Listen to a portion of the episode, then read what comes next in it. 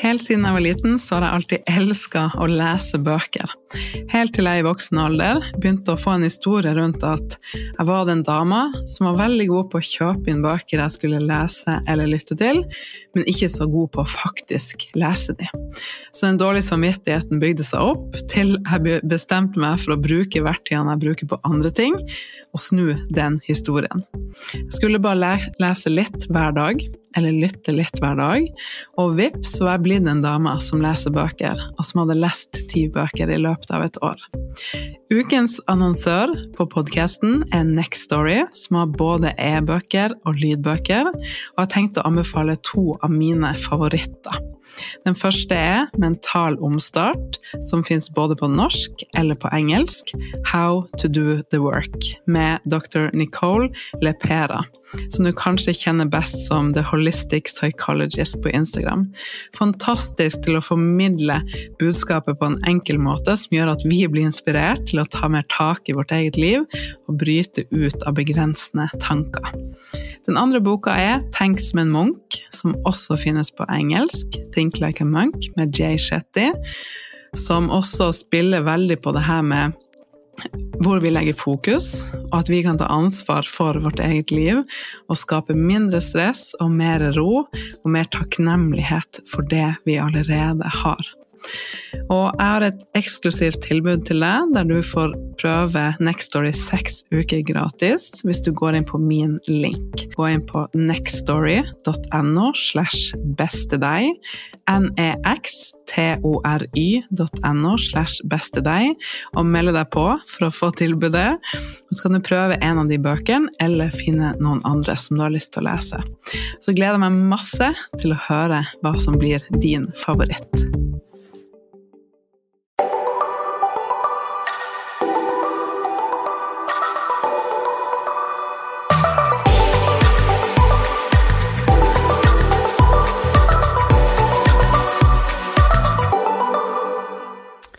Hjertelig velkommen til en ny episode av podkasten min Ditt beste deg.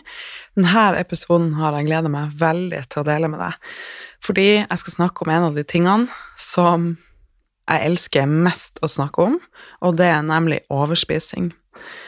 Og grunnen til det er for at jeg var fast i et mønster i så mange år der jeg gjemte meg alene hjemme og overspiste. Jeg hadde strenge regler rundt mat, jeg mista kontrollen jeg trøstespiste mye, og ingen visste hvordan jeg egentlig hadde det. Jeg trodde at det var bare jeg som hadde det sånn, og at jeg hadde dårlig viljestyrke, at det var noe galt med meg. Og i denne episoden så skal jeg dele fem steg som fører til overspising, sånn at du kan bli litt bevisst på om det her er et mønster som holder deg igjen, og sånn at du kan føle at du får hjelp til å komme i gang med å snu det. Fordi overspising for meg, det førte til at jeg hadde mye vondt i magen, jeg sov dårlig, huden min var i opprør, jeg fikk dårlig selvfølelse, og jeg følte at jeg skuffa meg sjøl. Jeg var redd for mat, redd for sosiale settinger rundt mat, og jeg følte at jeg aldri fikk det til.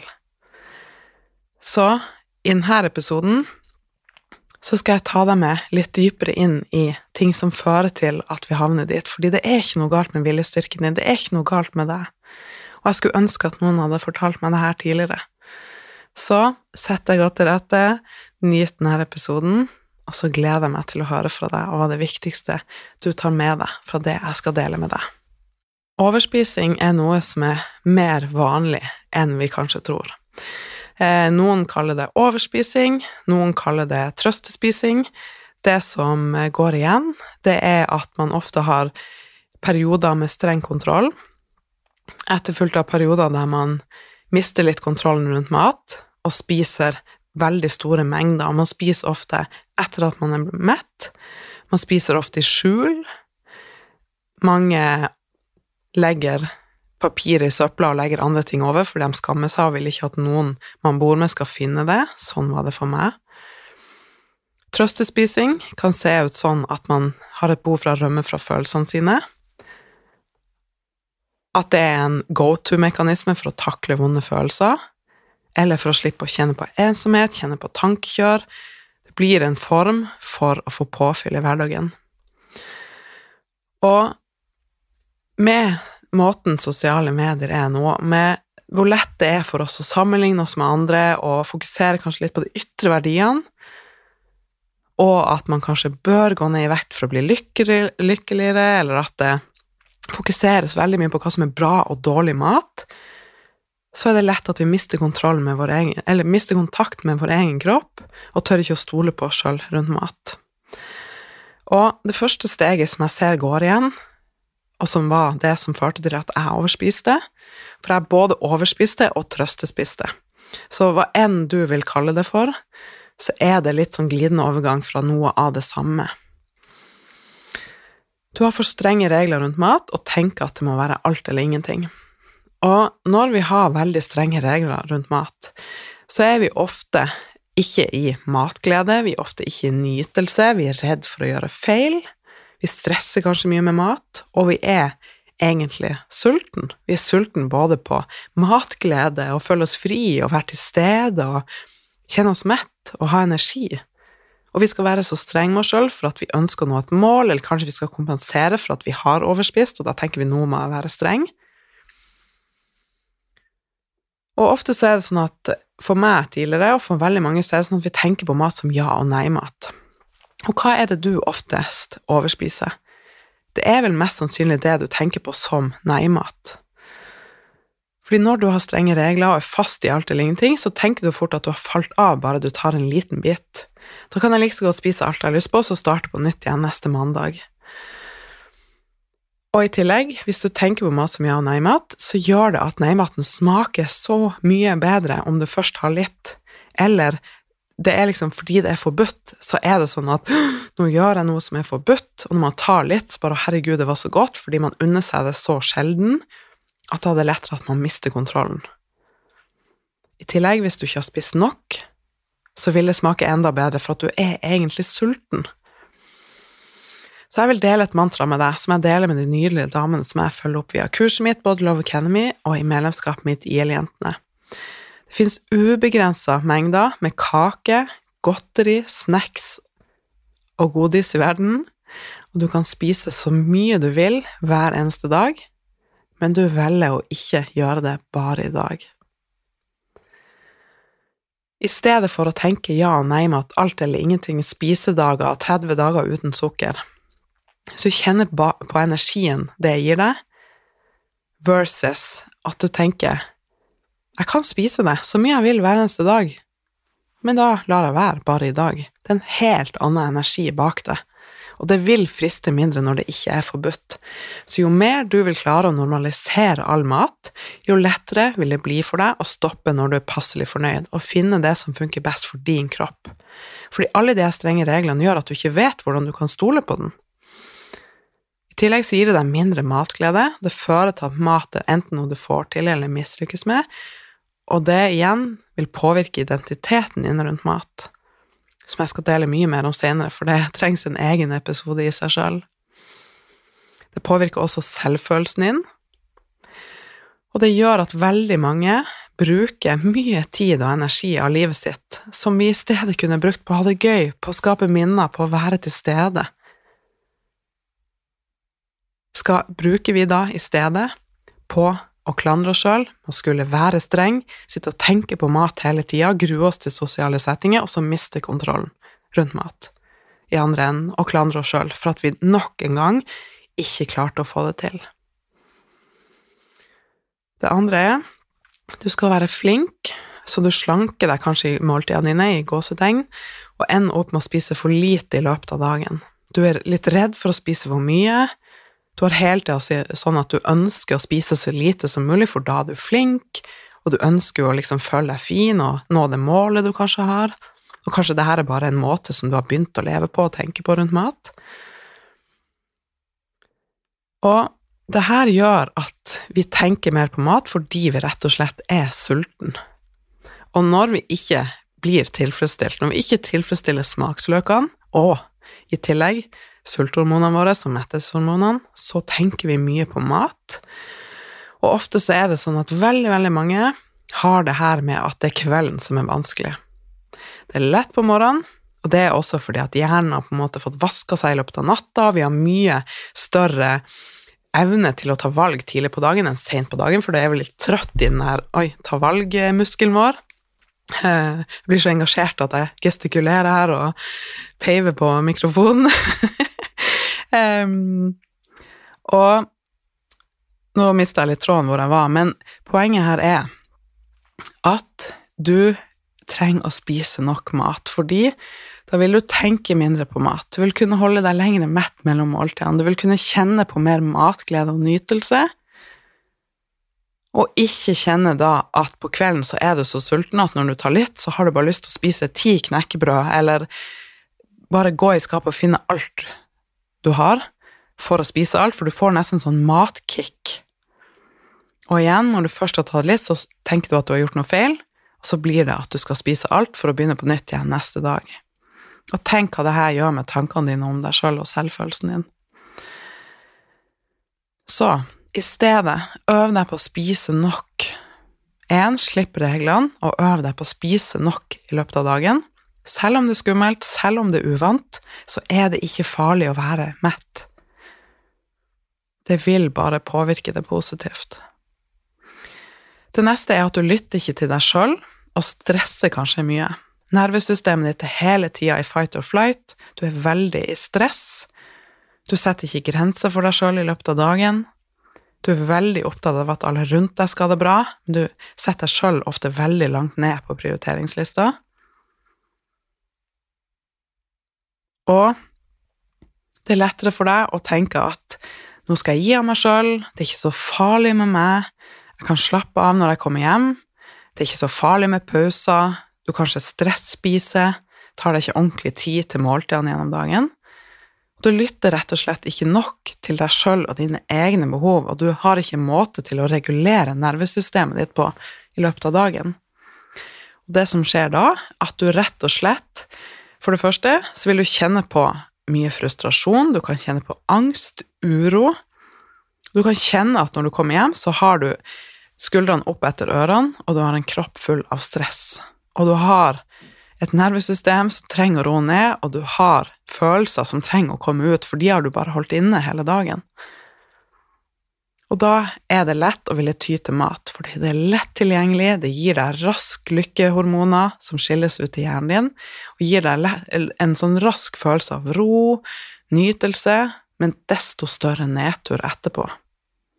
Og igjen, et ustabilt eh, blodsukker vil påvirke kroppen din med stress, og det du trenger, er jo ikke mer stress.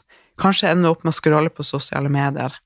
Det du trenger, det er å lytte mer til deg sjøl i løpet av dagen også. Roe ned, sette grenser, ta små pustepauser, kjenne etter hvordan du har det og hva du trenger, og tørre å leve hverdagen din litt mer i tråd med deg. Og putte deg sjøl øverst på prioriteringslista.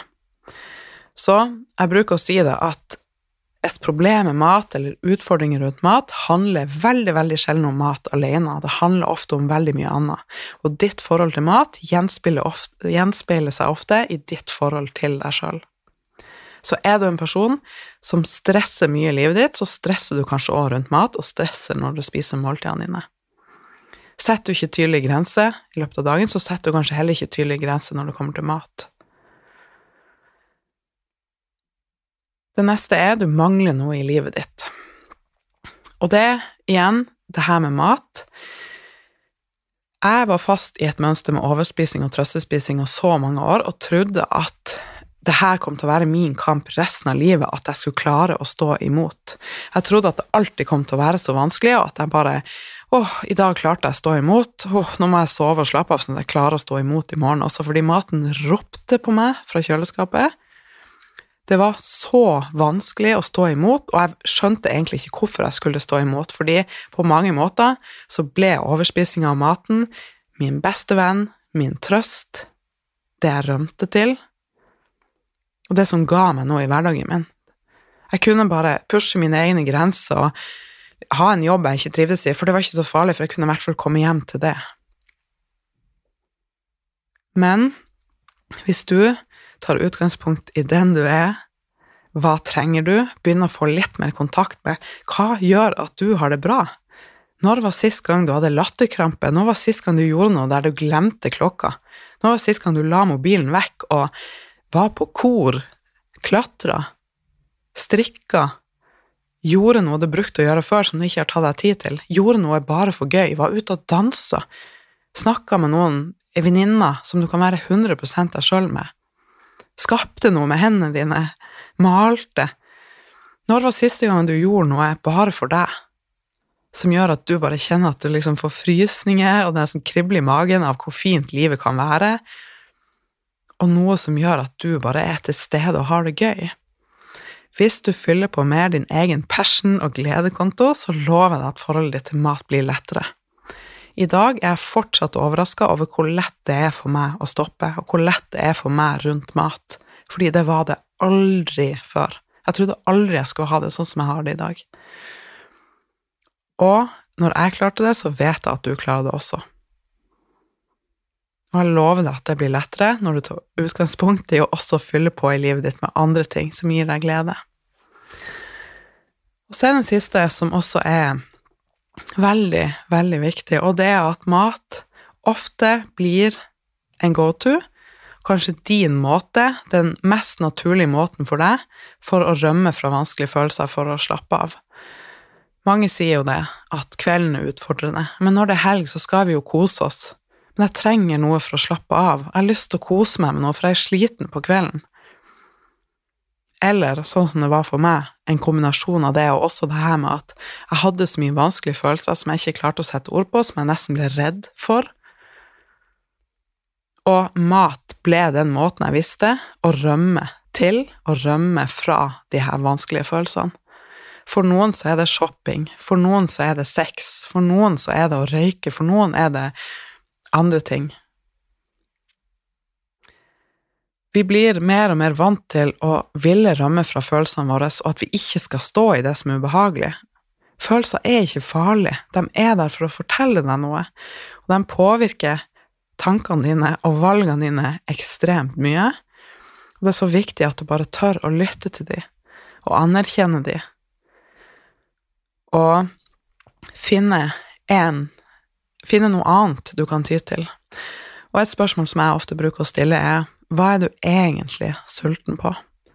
Hvis du kjenner at maten roper på deg på kvelden, hvis du kjenner at du ikke har noe valg, hvis du kjenner at du nesten er avhengig av å må ha det, og det er en ting som du trenger i livet ditt, men du kjenner også at det ikke gjør deg godt, og at det holder deg igjen fra det livet du egentlig ønsker å leve, at du blir litt trist av å tenke på at det er sånn som jeg beskrev det, at det, det var på en måte min beste venn også.